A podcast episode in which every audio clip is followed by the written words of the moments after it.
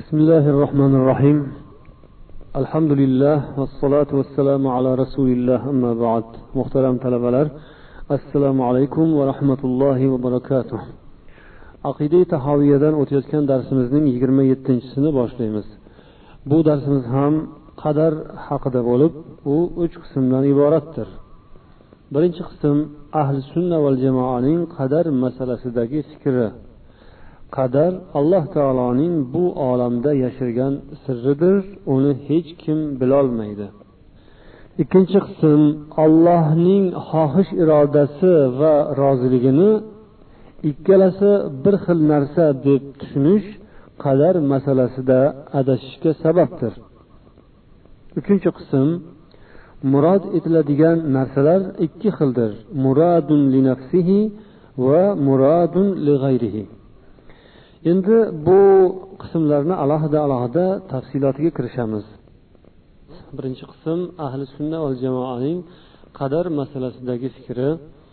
Qadar alloh taoloning bu olamda yashirgan sirridir uni hech kim bilolmaydi degan qismni sharhiga kirishamiz.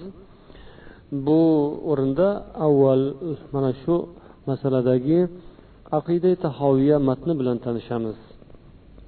وأصل القدر سر الله تعالى في خلقه. لم يطلع على ذلك ملك مقرب ولا نبي مرسل. والتعمق والنظر في ذلك ذريعة الخذلان وسلم الحرمان ودرجة الطغيان. فالحذر كل الحذر من ذلك نظرا وفكرا ووسوسة. فإن الله تعالى طوى علم القدر عن أنامه ونهاهم عن مرامه كما قال تعالى في كتابه أعوذ بالله من الشيطان الرجيم لا يسأل عما يفعل وهم يسألون فمن سأل لم فعل فقد رد حكم الكتاب ومن رد حكم الكتاب كان من الكافرين bu matnning tarjimasi quyidagicha. Qadarning asli mohiyati ollohning maxluqotlari ichida yashirgan sirridir. Bu sirdan hech bir kimsa xoh u allohga eng yaqin farishta bo'lsin va xoh mursal payg'ambar bo'lsin aslo voqif emasdir. Bu masalaga chuqur kirishish haddan ziyoda ko'p fikr yuritish xorlikka yetguvchi vosita va yaxshiliklardan mahrum etuvchi yo'l insonni haddidan oshiruvchi narvondir. Shuning uchun bu sohaga chuqur kirishib ketish behuda fikr yuritish va vasvasaga berilishdan zinhor bazinhor ehtiyot bo'lish lozim. Chunki alloh taolo qadar ilmi kitobini bandalaridan yopib qo'ygan unga intilishdan barchani taqiqlagan. U zot o'z kitobida mana bunday marhamat qilgan. U qilgan ishi yuzasidan so'ralmaydi. Aksincha ular so'roqqa tutiladilar. Demak kimki olloh nega bundoq qildi deb norozi bo'lib so'rasa u kitob qur'onning hukmini rad etgan bo'ladi. Kimki kitobning hukmini rad etsa kofirlardan bo'lib qoladi. Ushbu matn mana ko'rib turganlaringizdek mashhur qadar masalasiga bag'ishlangan. Demak bundan ko'rinadiki qadar alloh taoloni bu olamga yashirgan sirridir. Alloh taolo bu qadar masalasini barcha insonlardan ular xoh payg'ambar xoh avliyo ambiyo xoh oddiy inson bo'lsinlar olim bo'lsinlar omi bo'lsinlar ulardan alloh taolo bu ilmni yashirgandir. Hazrati ali roziyallohu anhu al qadaru sirrullohi fala takshifhu degan edilar. Ya'ni qadar alloh taoloning sirridir. Uni fosh etaman deb urinmagin degandilar. Bu masaladagi nizo tortishuvlar ko'pchilikka ma'lum va mana shu sabab bo'lib islomda ko'p firqalar adashgan toifalar paydo bo'lganligidan ham xabarlaringiz bor. Ahli sunna val jamoa mazhabi e'tiqodi esa bu masalada alloh taolo bandalarining fe'llarini harakatlarini yaratuvchidir deb e'tiqod qilinadi. Hamma narsa barcha voqea hodisa va narsalar alloh taoloning qazoyi qadariga muvofiq ravishda sodir bo'ladi deb e'tiqod qilamiz. Qamar surasining qirq to'qqizinchi oyati. Biz hamma narsani aniq o'lchov bilan yaratganmiz. Degan oyat va furqon surasining ikkinchi oyatida alloh taolo hamma narsani o'zi yaratganligi va uni aniq tiniq o'lchov bilan me'yor bilan yaratganligi haqida xabar beradi.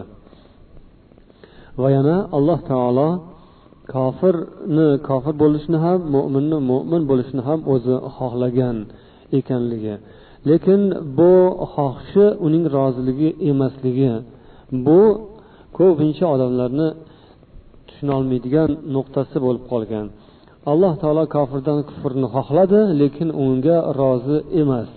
Uni yaxshi ko'rmaydi. Demak bu xohish ilgari avvalroqdagi darslarimizda o'tganimizdek bu iroda irodai kavniyaga kiradi. Ya'ni alloh uni kavn ya'ni paydo bo'lishi amalga oshishi jihatidan sodir bo'lishi jihatidan uni iroda qilgan xohlagan lekin alloh taolo buni yaxshi ko'rmaydi. Bu irodai diniya shar'iyaga kirmaydi. Irodai kavniya xalqiya qadariyaga kirishini biz avvalgi darslarimizdan o'tgan edik. Demak bu narsa alloh taolo yaxshi ko'rmasdan yaratadigan narsadir. Demak uni yaralishini alloh taolo yaxshi ko'rmaydi unga rozi bo'lmaydi lekin biror hikmati shuning keynida mavjud bo'lgan bir hikmat sababidan o'shani paydo bo'lishini olloh xohlaydi. Shuning uchun demak kofirdan kufrni ham paydo bo'lishini olloh xohlagan lekin yaxshi ko'rmasdan xohlagan. Lekin qadariylar bilan mo'taziliylar bunga qarshi chiqdilar. Ular aytdilarki alloh taolo kofirdan ham iymonni xohlagan edi. Iymonni talab etdi iymon keltirishni xohladi lekin kofir esa kufrni xohladi dedilar.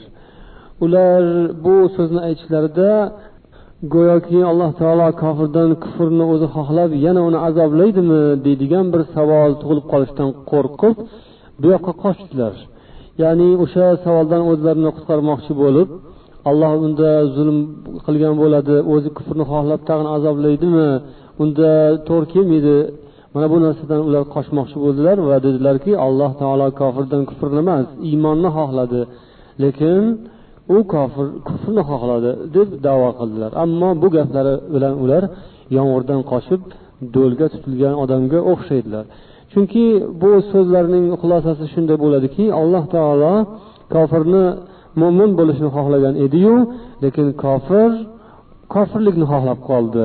Shuning uchun u kofir bo'ldi. Ha bunda kofirning xohishi allohning xohishidan ustun kelgan bo'lib qoladi ularni davosi bo'yicha. Demak ularni aytayotgan so'zlari kitobi sunnatga xilof. Ularni davolarga quloq soladigan bo'lsangiz unda demak go'yoki kofirning xohishi allohning xohishidan ustun kelgan bo'lib qoladi. Bu juda ham bir beo'xshov bema'ni narsa. Alloh taoloni ojiz deb nisbat berishga olib boradigan noto'g'ri so'z. Kitobi sunnatdan hech qanday dalili bo'lmagan so'zdir. Qadar masalasidagi bunday bema'ni qarash sahobalar asrining oxirrog'ida paydo bo'ldi. Qadariylar degan bir firqa adashgan toifa paydo bo'ldi. Mana shu masala tufaylidan. Qadar masalasidagi nizolar u kofirlardan qolgan nizolar edi. Mushrik kofirlar qadar masalasini inkor etardilar. Payg'ambarimiz sollallohu alayhi vasallam huzurlariga kelib ham quraysh kofirlari qadar masalasida rasululloh sollallohu alayhi vasallam bilan janjallashmoqchi bo'lganlarida qamar surasining qirq to'qqizinchi oyati nozil bo'lgan edi. Bu oyatni bir qismini biz yuqorida aytib o'tdik. O'sha oyatda alloh taolo marhamat etadiki ular qiyomat kunida yuzlari tuban yuz tuban bo'lib jahannamga sudrab boriladilar do'zaxga tashlanib uloqtirib yuboriladilar va mana endi bu jahannam azobini totib ko'ringlar. Biz har bir narsani aniq o'lchov bilan aniq miqdor me'yor bilan yaratganmiz deydi. Shu ma'nodagi oyatlar demak qadar masalasida rasululloh bilan janjallashganlarga qarshi nozil bo'lgan edi. Bu hadisni imom muslim va buxoriylar rivoyat qilganlar. Va ahli sunna val jamoa mana shu oyatni qadar masalasini isbotida ishlatadilar. Demak bu alloh taolo hamma narsani oldindan bilishi va uni yozib qo'yganligiga dalil hujjatdir. Bu masala qur'oni sunnat bo'yicha albatta tushunarli. Endi hayotdan olingan ba'zi bir misollarga ham murojaat qilamiz. Umar ibn haysim ismli kishi hikoya qiladilar. Biz bir kun kemada safarga ketayotgan paytimizda qarasak bir qadariy bilan majusiy ham bizga hamroh ekan. Qadariy bilan majusiy o'zaro suhbatlashib qadariy ya'ni qadarni inkor qiladigan inson majusiyni da'vat qilib dinga chaqiryapti islomga kelgin desa majusiy javob beradiki a xudo xohlasa bo'larman xudo xohlasa musulmon bo'larman dedi. Qadariy unga qarab xudo xohlab qo'ygan seni musulmon bo'lishingni faqat shayton xohlamayapti dedi. Majusiy bu gapdan keyin iye demak olloh meni musulmon bo'lishimni xohlab qo'ygan ekan ammo shayton musulmon bo'lmasligimni xohlagan ekan. Endi shaytonni xohlagani amalga oshibdi. Demak shayton kuchli ekan de xudoyingdan. Undoq bo'ladigan bo'lsa men ana shu kuchlisi bilan birga bo'laman deb javob berdi. Yoki yana bir misol mo'taziliy mazhabini buyuk olimlaridan ko'zi ko'ringan olimlaridan amr ibn ubayd degan inson bir yuz qirq to'rtinchi hijriy sanada vafot etgan. Bu odam bir halqada o'zini shogirdlari bilan o'tirgan paytda bir arobiy kelib ularga murojaat qilib qoldi. Meni haqqimga duo qilinglar meni bir tuyam yo'qolib qoldi. Alloh taolo tuyamni qaytarsin tuyamni topib bersin duo qilinglar dedi.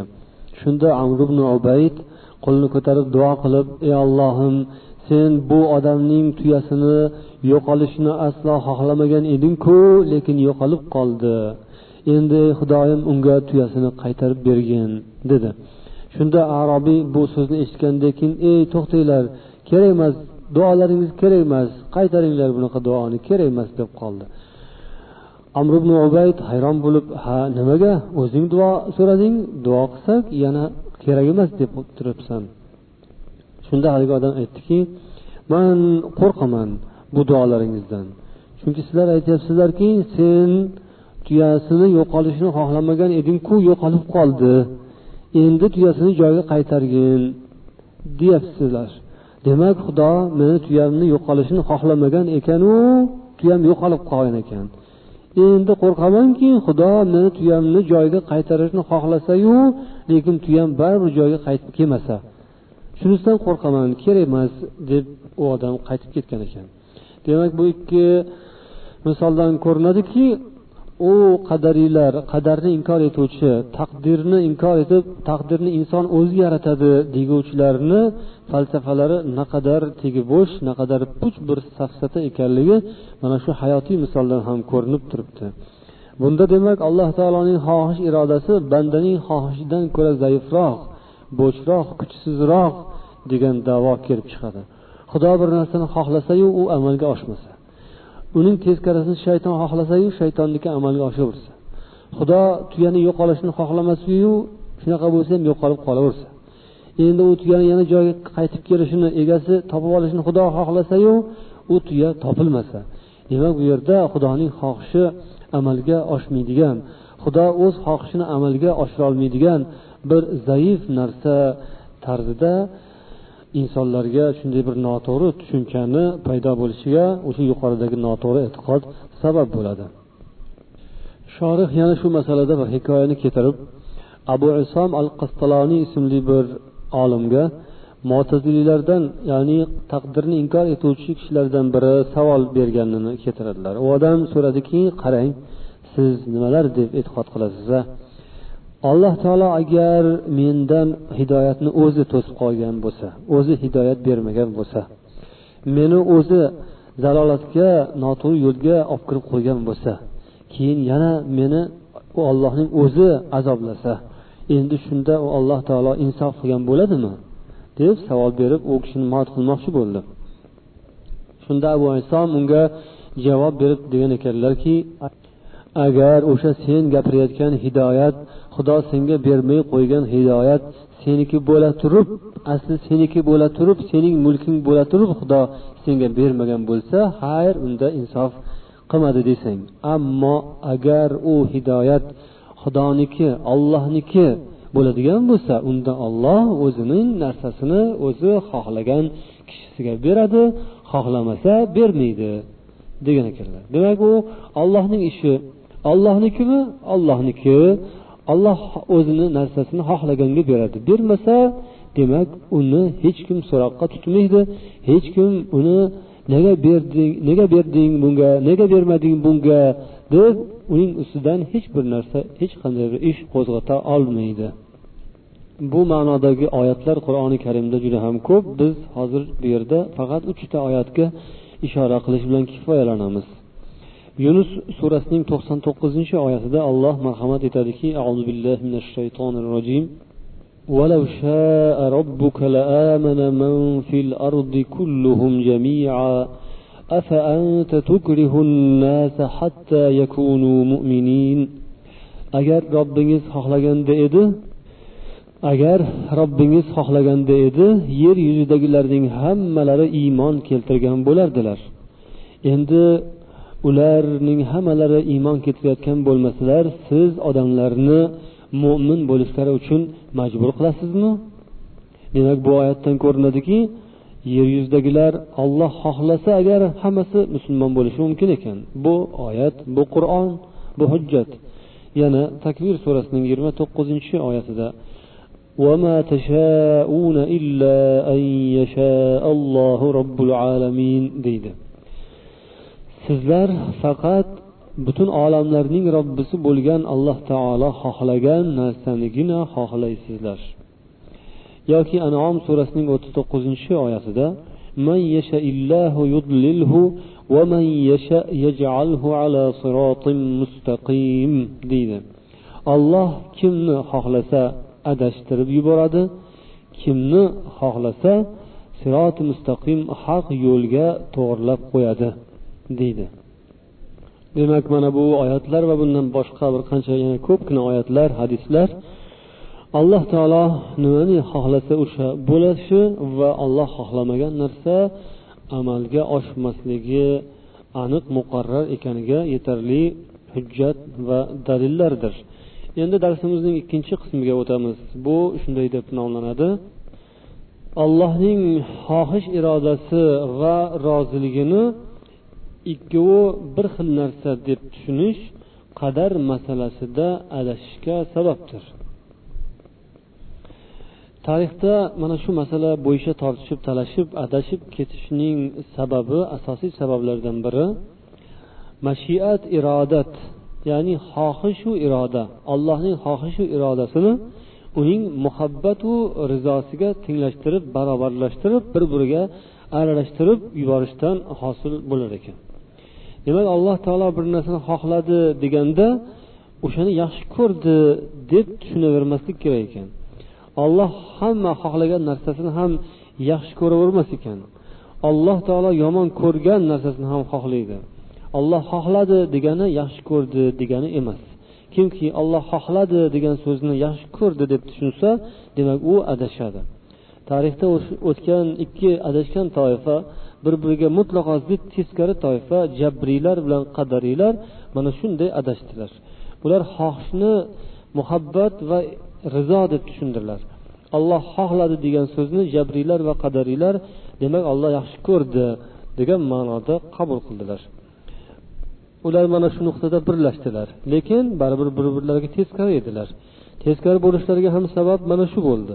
Ya'ni xohish irodani yaxshi ko'rish deb tushunganlaridan bir birlariga teskari bo'ldilar. Ya'ni jabariylar aytdilarki jabriylar dedilarki al kavn bu koinotning hammasi allohning qazoyi qadar bilan paydo bo'lgan. Shuning uchun ham u mahbubdir marziydir mahbub ya'ni yaxshi ko'rilgan olloh yaxshi ko'radigan. Marziy alloh rozi bo'ladigan narsadir dedilar. Ya'ni bu dunyoda nimaiki yaralgan bo'lsa hammasini xudo o'zi xohlab yaratgan o'zi yaxshi ko'rib yaratgan dedilar. Bunga qaraganda demak gunohlar fisqu fujur yaramas ishlar kufru munofiqlik hammasi xudoning qazoyi qadari bilan yaralganmi? Demak xudo uni yaxshi ko'rib yaralgan. Xohladimi? Yaxshi ko'rdi demak. Yaxshi ko'rib xohlab yaratgan. Shunday qilib demak hamma narsa xudoga maqbul va mahbub mahbubdir dedilar. Ya'ni xudo hammasini yaxshi ko'radi dedilar. Lekin qadariylar esa butunlay bunga teskari yo'l tutdilar. Ular aytdilarki maosiy gunohlar fizqu hujurlar bular mahbub emas. Bularni xudo yaxshi ko'rmaydi. Shuning uchun ham bularni xudoyim taqdirga yozgan emas. Alloh taolo ularni qazo qadariga bitgan emas. U xudoning xohish irodasidan tashqaridadir xudo ularni xohlamaydi. Ular o'zicha sodir bo'ladi. Bandalar xohlaydi shuning uchun sodir bo'ladi u dedilar. Xudo xohlaydi degan so'zni ular xudo yaxshi ko'radi deb tushundilar. Jabriylar ham qadariylar ham. Xudo xohlaydi deganni jabriylar yaxshi ko'radi deb tushundilar. Shuning uchun ham ular hamma gunohlarni ham ma'siyatlarni ham xudo yaxshi ko'radi dedilar. Qadariylar ham xudo xohlagan deganimiz xudo yaxshi ko'rgan deganimizdir. Agar biz gunohlarni ham ma'siyatlarni ham xudo taqdirga yozgan desak ularni ham xudo yaxshi ko'rgan degan bo'lib qolamiz. Shuning uchun bu gunoh ma'siyatlarni xudoyim yaxshi ko'rmaydi. Yaxshi ko'rmagani uchun ham uni taqdirga bitmagan yozmagan dedilar. Shunday qilib ular taqdirni inkor etib qoldilar. Taqdirga munkir bo'lib qoldilar. Ahli sunna val jamoa esa bu ikki fikrni har qaysinisiga har ikkoviga ham noto'g'ri dedilar. Bularni har ikkovi ham kitobi sunnatga xilof ekanligini aytdilar. Qur'on va sunnatda va sog'lom aqlda bu yuqorida aytilgan narsalar butunlay boshqacha ekanligi ma'lum bo'ladi. Ya'ni mashiat va muhabbat boshqa boshqa narsa ekanligi ma'lum bo'ladi. Mashiat iroda bu xohish degani. Muhabbat rozilik bu yaxshi ko'rish degani.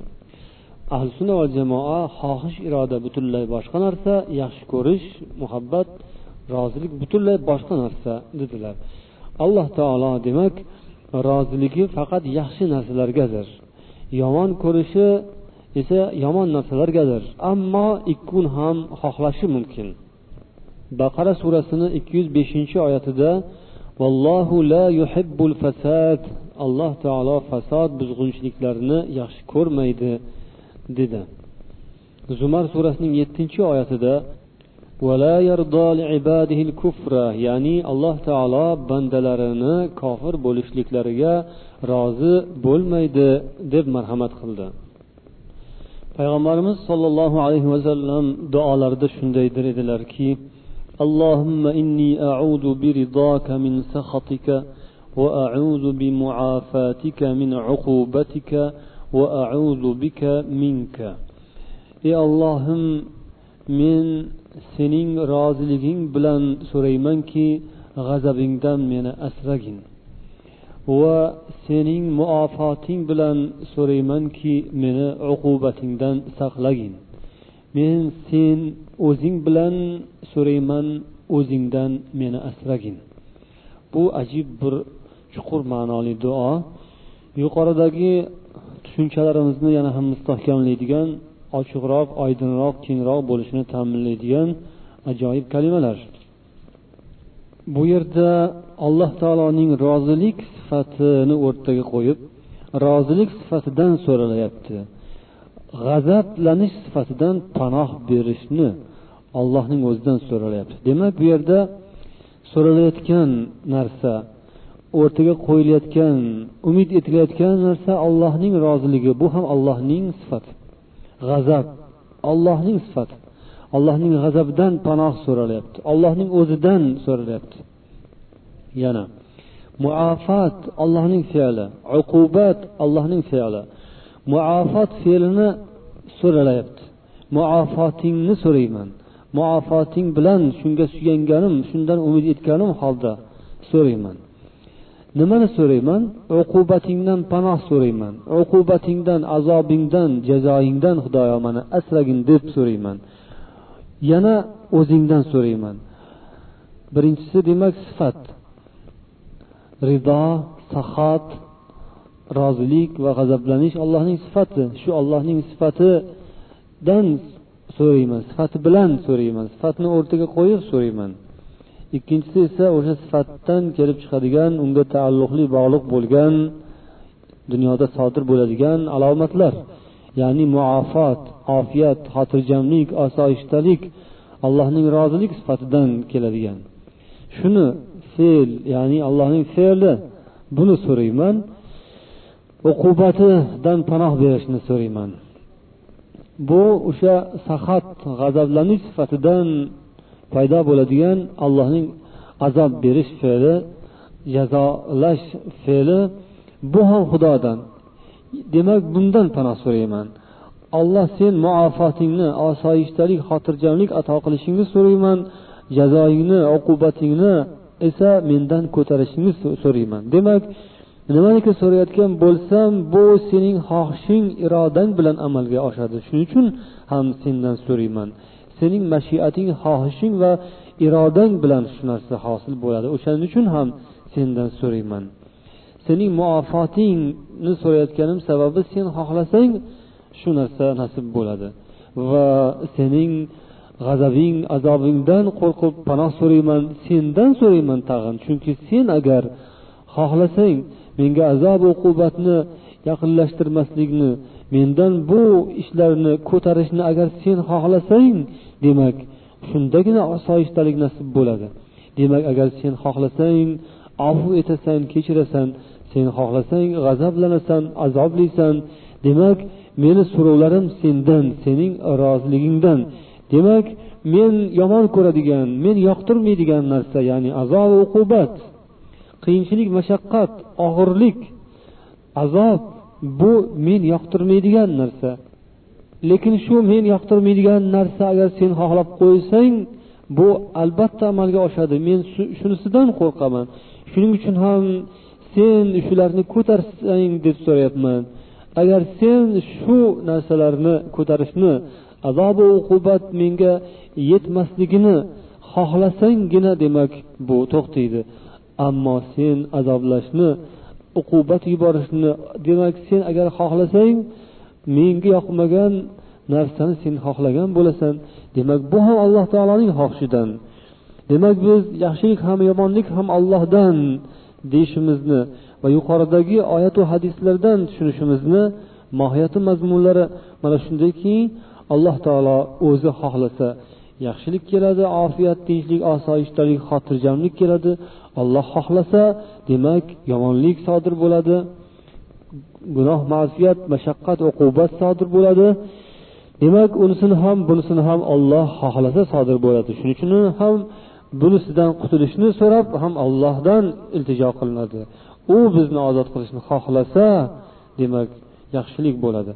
U ham bu ham alloh taoloning xohishiga bog'liq narsa ekanidan ham payg'ambar bu hadisda auzu bika minka sen bilan panoh so'rayman sendan panoh so'rayman dedilar. Ya'ni yaxshilikni ham ollohdan so'radilar va demak o'sha inson uchun qiyin mashaqqat uqubat azob bo'lib qolishi ham xudodan ekanligi uchun ham ey olloh o'zingdan asrashingni so'rayman o'zing o'zingdan asrashingni so'rayman deb duo qildilar.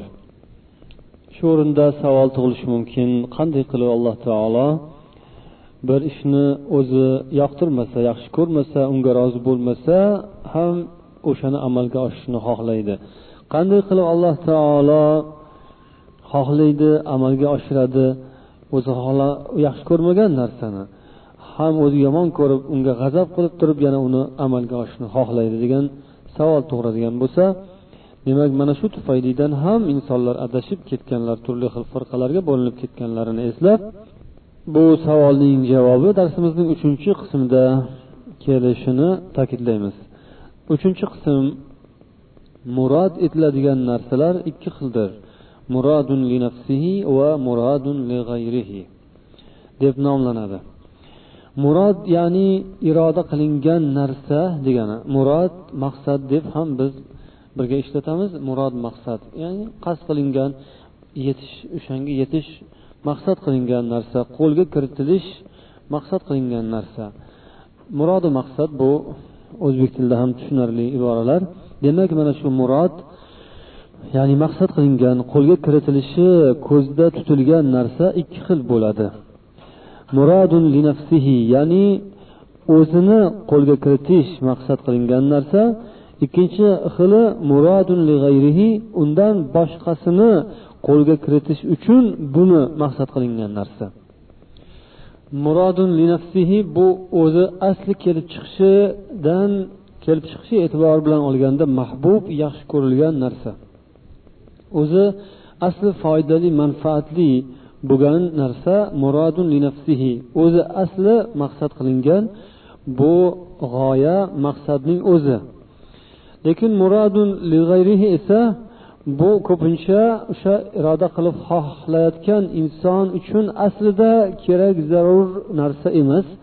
Unda bir foyda manfaat yo'q. O'zi kelib chiqishi zotiga qaralganda hech qanday bir foyda manfaati yo'qku. Lekin insonni manfaat foydasi uchun bir vosita vazifasini o'taydigan narsa. Asl maqsadiga murodiga yetkazish uchun vosita vasila sifatida foydalanadigan narsa bu muradun li g'ayrihi. Ya'ni boshqa narsani qo'lga kiritish uchun bu narsa murod etilgan. Maqsad qilingan narsa. Bu asli kelib chiqishi jihatidan ko'pincha makruh insonga yoqmaydigan unga foyda keltirmaydiganday zararliday bo'lib tuyuladi. Lekin shu tufaylidan shu sababidan o'z maqsadiga o'ziga yaxshi ko'ringan narsaga o'zi orzu qilayotgan narsaga erishishi mumkin bo'lganligi e'tibori bilan ham o'sha o'rtadagi narsani demak maqsad qiladi murod etadi. Agar undan keyin nazarda tutilgan bir maqsad bo'lmaganda edi bu o'rtada turgan muradun lig'ayrihiga ishi tushmagan bo'lardi. Masalan bu misoli achchiq doriga o'xshaydi. Achchiq dori bunga inson hadeb hojati tushavermaydi. Inson sog'lom bo'lsa salomat bo'lsa u og'zini achitib o'zi u dorini achchig'iga chidab uni yeb o'tirishni hojati yo'q. Lekin shu dori tufaylidan qo'lga kiritilishi mumkin bo'lgan salomatligi sog'ligi uchun inson achchiq dorini yeyishga iste'mol qilishga majbur bo'ladi. Yoki xudo ko'rsatmasin biron bir a'zo yomon kasal bilan kasallangan bo'lib u hech bir davosi topilmasa tuzalmasa oxiri tabiblar vrachlar bu a'zoni kesmasa bo'lmaydi deb xulosa qilgan paytda demak inson buni qanchalik xohlama yomon ko'rmasin qanchalik bu narsa inson uchun og'ir kelmasin lekin bu boshqa a'zolarini salomat saqlab qolish maqsadida o'sha ishga rozi bo'ladi. Demak bu muradun g'ayrihi. O'zidan boshqa narsaga erishmoq uchun o'sha makruh narsa ya'ni ko'ngilga yoqmaydigan inson uchun umuman yomon ko'rilgan narsaga odamzod rozi bo'ladi. Shunday qilib ikkita narsa bir joyda jam bo'ladi. Yomon ko'rilgan narsani iroda etish jim bo'ladi. O'zi yomon ko'rilgan kerak emas inson uchun o'ziga qolsa lekin o'shani xohlaydi iroda qiladi o'sha narsani amalga oshirishga majbur bo'ladi. Undan tashqari mana shu makruh insonga yoqmaydigan aslida xohlamaydigan ishni qilishga inson ba'zan kirishar ekan shuni inson yaxshi ko'rmasdan xohlar ekan buning oqibati nima bo'lishini ko'pincha bilmaydi. Lekin zonni g'olib bilan ya'ni yaxshi bo'lishi ehtimoli ko'proq bo'lgan bo'lsa o'shanda shu ishni qilishga kirishadi. Lekin ko'pincha uning oqibati ko'ngillagiday chiqmaydi ham. Ammo shunday bo'lsada ko'ngillagiday chiqmay qolishi ehtimoli bo'lsa hamki inson shuni qiladi. Demak bu insonga nisbatan olganda demak tushunarli. Ba'zan operatsiya qilish amaliya o'tkazishga majbur bo'lganda inson doktorlar uni qo'lidan tilxat ham olishadi mabodo muvaffaqiyatsiz chiqsa hech qanday davoim yo'q deb yozib beradi. O'shanday muvaffaqiyatsiz chiqib qolishi xavfi bo'lsa ham ba'zan inson shu ishga rozi bo'ladi xohlaydi. Ammo alloh taolochi uning oqibati nima bo'lishi allohga ma'lum.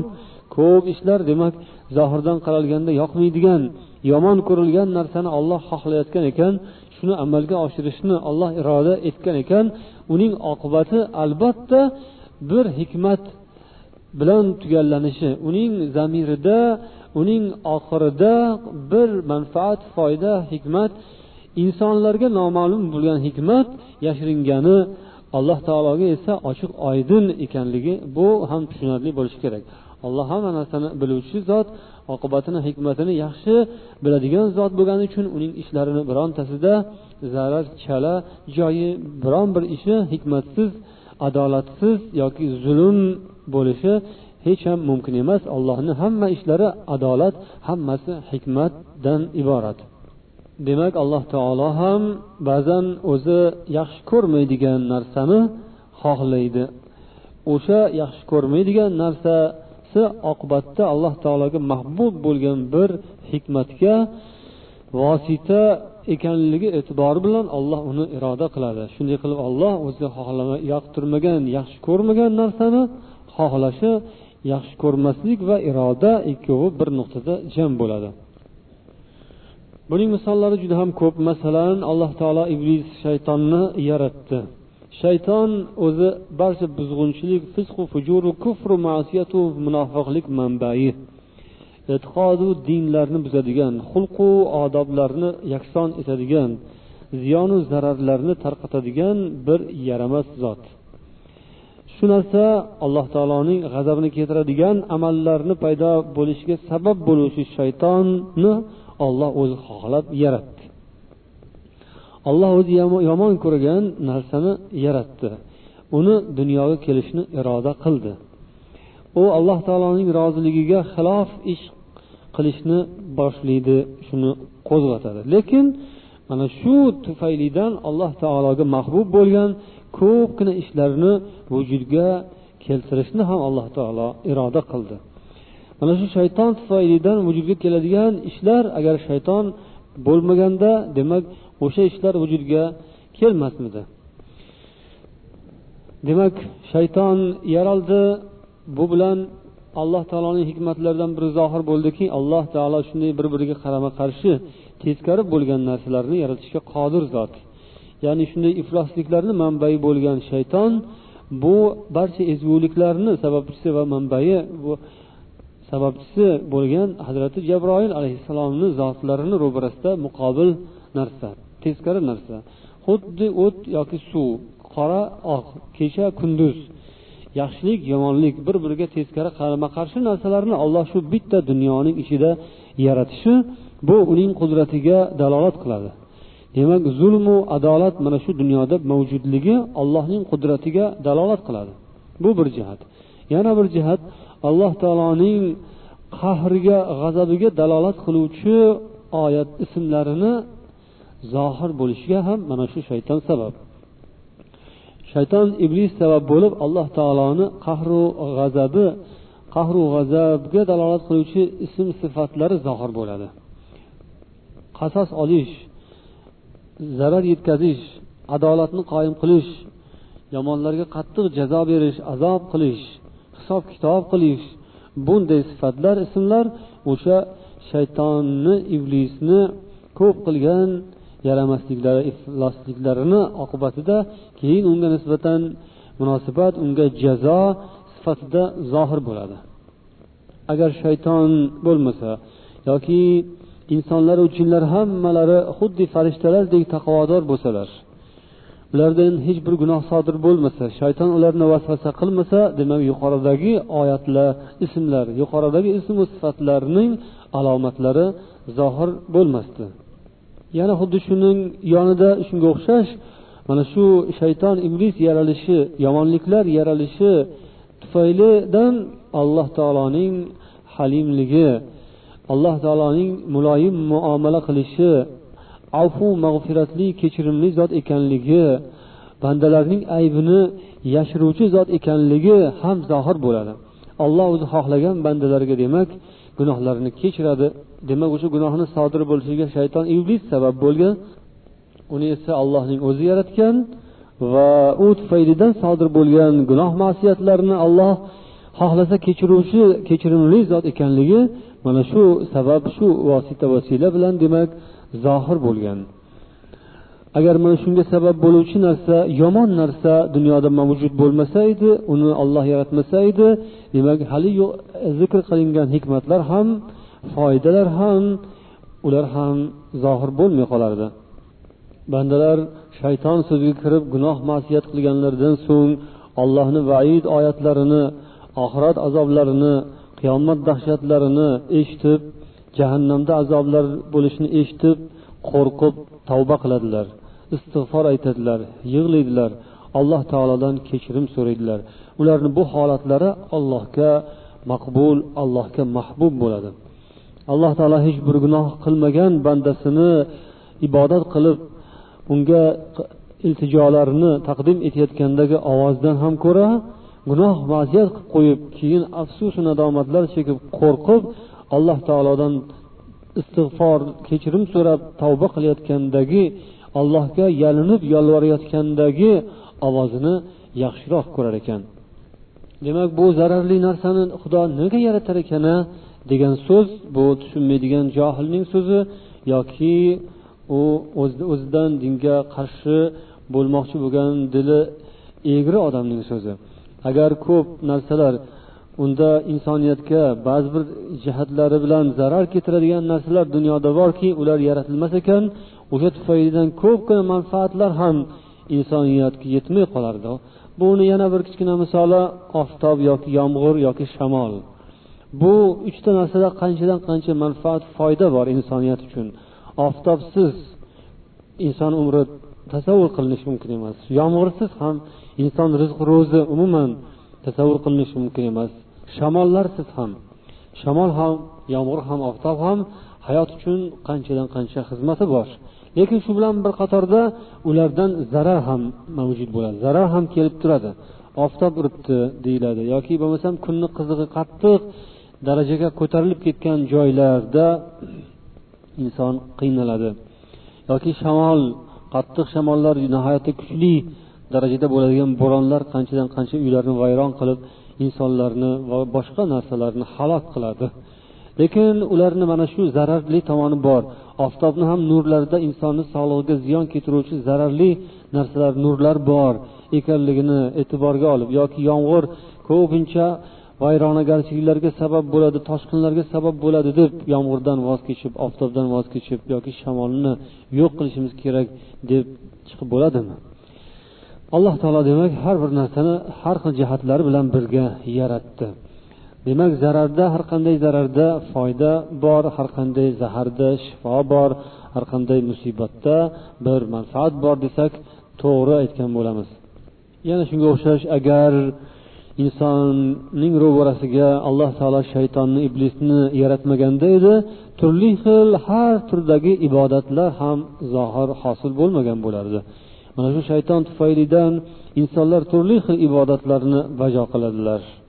Agar ularning hammalari mo'min bo'lganlarida edi odamlar unda ibodatlar har turli ibodatlar ham sodir bo'lmas edi. Alloh yo'lida do'st bo'lish bu alloh taolo yo'lida dushman bo'lish bu ikki narsa demak shayton tufayidan alloh taolo yo'lida do'st bo'lishning qadri dushmanlar bo'lmasa bilinmasdi. Demak dunyoda yomonlar bo'lmasa yaxshilarni qadriga yetilmaydi degan so'z ham esimizga tushadi. Alloh taolo yo'lida do'st bo'lish mo'minlarni taqvoli kishilarni alloh yo'lida mashaqqat qiynoq azoblarga sabr qiluvchi insonlarni do'st tutish bu dushmanlar yomon odamlar borligi uchun ham bu do'stlikni qadri bilinadi. Alloh uchun dushman bo'lish yomon ko'rish. Shaytonni so'ziga kirib demak yo'ldan ozgan dinga qarshi bo'lgan allohning dushmani bo'lgan insonlarni dushman tutish bu ham savob bu ham iymon alomatidan. Yoki amri ma'ruf nahiy munkar bu ham farz bu ham alohida ibodat bu ham savob bu ham iymon belgisi. Amr ma'ruf nahiy munkar qilinishi uchun demak zarur bo'ladigan shartu sharoit shunga sabab bo'luvchi narsa demak o'sha shayton iblis sabab bo'lib uning taqozosi bilan. Uning so'ziga kirib adashgan insonlar borligi tufaylidan gunoh qilayotgan insonlar borligi tufaylidan amr ma'ruf degan ibodat nahy munkar degan ibodat kimgadir nasib bo'ladi. Yana xuddi shu yo'lda amri ma'ruf qilgan yoki haq yo'ldan yurgan insonlarga shayton yo'liga kirgan odamlar qarshilik qilib unga aziyatu ozorlar azob uqubatlar yetkazadilar. Bu paytda mo'min musulmon odam sabr qiladi bardoshli bo'ladi chidamli bo'ladi. Sabr bu ham alohida ibodat. Bu ibodatning ham savobini olsinlar deb alloh taolo demak mo'min musulmonlar yo'lida mashaqqatlarni o'zi yaratadi. O'sha mashaqqatlarni paydo qiladigan shaytonlar odam shaytonlari insonu jin shaytonlari bor. Ularni ham olloh atayin yaratgan. Mo'minlarni savobi ko'paysin. Iymonlari yana ham mustahkam bo'lsin. Sabr matonatli bo'lsinlar. Irodalari chiniqsin. Iymonlari sayqal topsin. Savoblari ko'paysin. Oxiratdagi darajalari oshsin degan hikmat bilan demak alloh taolo o'sha yomon narsalarni ham dunyoga yaratib qo'ygan. Va mana shu bilan tag'in mo'min musulmonlar o'zlarini nafsu havolarga qarshi yurishni iymon islom buyruqlarini bajarishni o'rganadilar. Alloh yaxshi ko'rgan narsani nafs yaxshi ko'rgan narsadan ustun qo'yishga o'rganadilar sinaladilar. Shayton esa nafs yaxshi ko'rgan narsalarni qo'zg'atadi shuni rivojlantirishga o'shani qondirishga chaqiradi. Ammo iymonli kishilar esa bu sinov ekanligini tushunadilar. Alloh yaxshi ko'radigan narsalarni amalga oshirishga harakat qiladilar. Shu bilan demak ularni savoblari ko'payib iymonlari ziyoda bo'ladi. Demak qisqacha qilib aytganimizda alloh hakim alim zot uning hamma ishlari chuqur hikmat va ajib sirru asrorlarga asoslangandir.